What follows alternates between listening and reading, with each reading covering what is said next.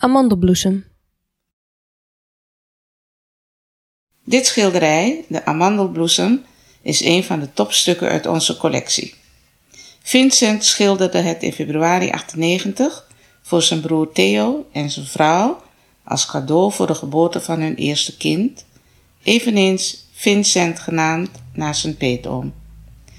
Als symbool voor het jonge leven koos Vincent de takken van de amandelbloesem, een van de vroegst bloeiende bomen die reeds in februari de lente aankondigt.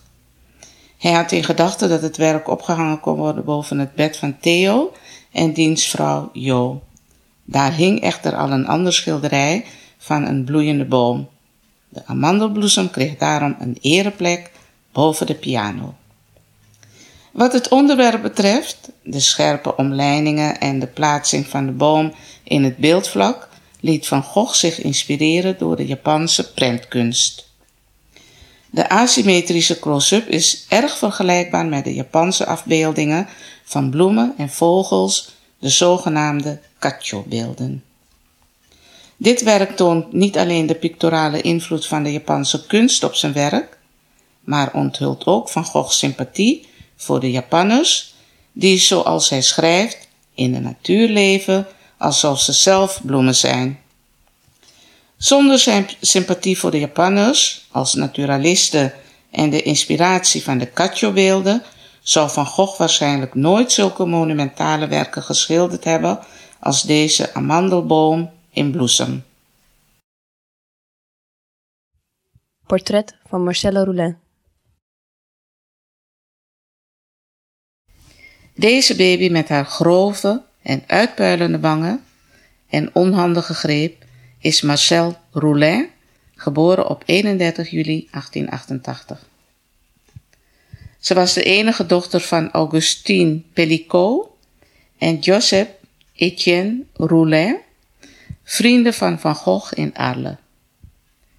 Ten tijde van Marcels geboorte werkte de kunstenaar aan zijn eerste schilderij van Roulin, die op de post paste in het treinstation.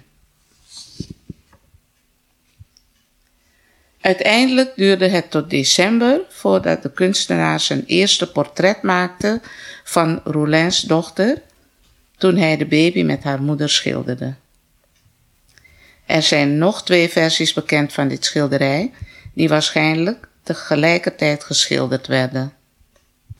Eén bevindt zich in een privécollectie en de ander in de National Gallery in Washington.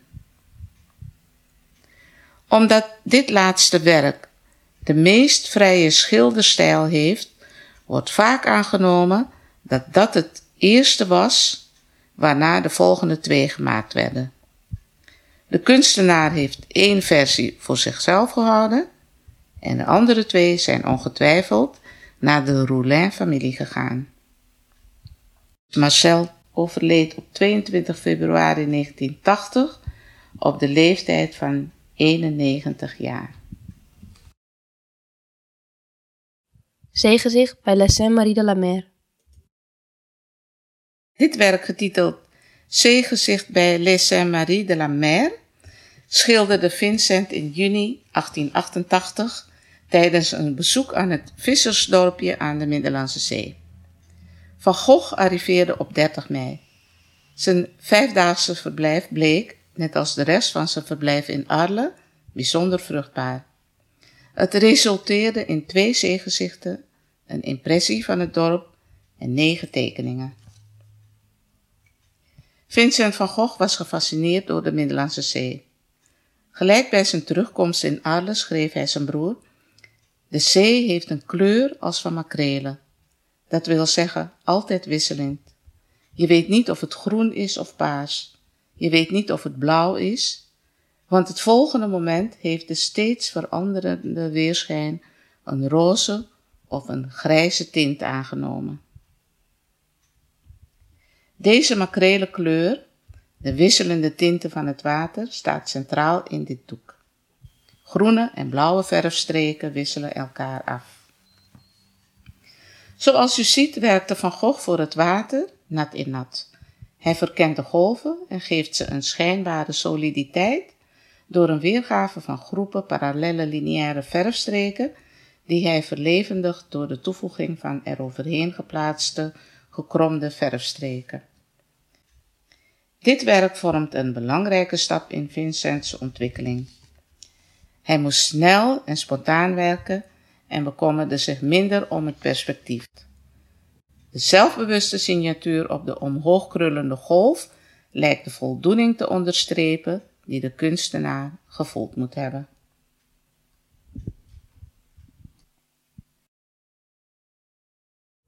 Een op zijn rug liggende krab. In dit schitterende stilleven zien we een krab hulpeloos op de rug liggen. Van Gogh had veel periodes van strijd en ellende en deze ploeterende krab wordt vaak gezien als een metafoor voor de moeilijkheden die hij in zijn leven had. Sommige kunsthistorici hebben dit werk zelfs geassocieerd met zijn ontslag uit het ziekenhuis in Arles in 1889. Het is bekend dat in de dagen volgend op zijn ontslag hij stillevens maakte om zijn gevoel voor het schilderen terug te krijgen. En de krab zal zijn hulpeloze staat uitdrukken. Zulke psychologische projecties zijn echter volledig onjuist. Veel stilistische kenmerken wijzen erop dat Van Gogh dit werk geproduceerd heeft in zijn hoogst productieve periode in de late zomer van 1888. Een aanzienlijke tijd voor zijn opname in het ziekenhuis. Het is niet onwaarschijnlijk dat een Japanse houtsnede de inspiratie was voor het krabmotief. Medio september stuurde Theo Vincent een exemplaar van het tijdschrift Le Japon Artistique, dat een reproductie bevatte van Hokusai's krabben in zeewier. Van Gogh verwonderde zich over de aanpak van Japanse kunstenaars die zichzelf het absolute toewijding tot een enkel aspect van de natuur toelegden en deze toonde met een snelle zekerheid van toetsen. Er is geen twijfel dat Van Goghs eigen snel maar perfect uitgevoerde krab bedoeld was om zijn talenten op dit gebied te demonstreren.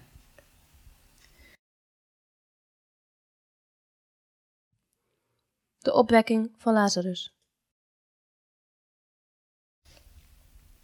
Deze vrije vertaling van Rembrandts ets De opstanding van Lazarus werd door Vincent vervaardigd op 2 mei 1889 toen hij weer enigszins hersteld was van de ernstige aanval die hij had tijdens een bezoek aan Arles eind februari.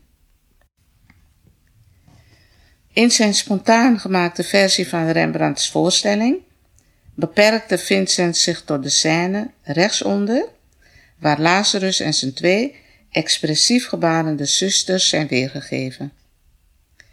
Deze twee figuren waren volgens een brief aan Theo eigenlijk bedoeld als portretten van Augustine Roulin en Madame Ginou. De twee vrouwen die hem in Arles zo vriendelijk hadden geholpen na zijn eerste aanval. Bij gebrek aan hun portretten had Van Gogh de vrouwen alleen aangeduid met behulp van hun kleur haar. Dat van mevrouw Roulin rood en van Ginou zwart. Dat de schilder zichzelf in dit verband blijkbaar opvatte als de opgestane Lazarus, liet hij overigens onbesproken. Hoewel de zon achter de middelste vrouw wel is opgevat als een symbool voor de afwezige Christus, is er vanwege Vincents identificatie met Lazarus meer reden te vermoeden dat dit motief alleen bedoeld is om aan te geven dat de verrijzenis plaatsvond in de zonnige Provence, zijn eigen omgeving dus.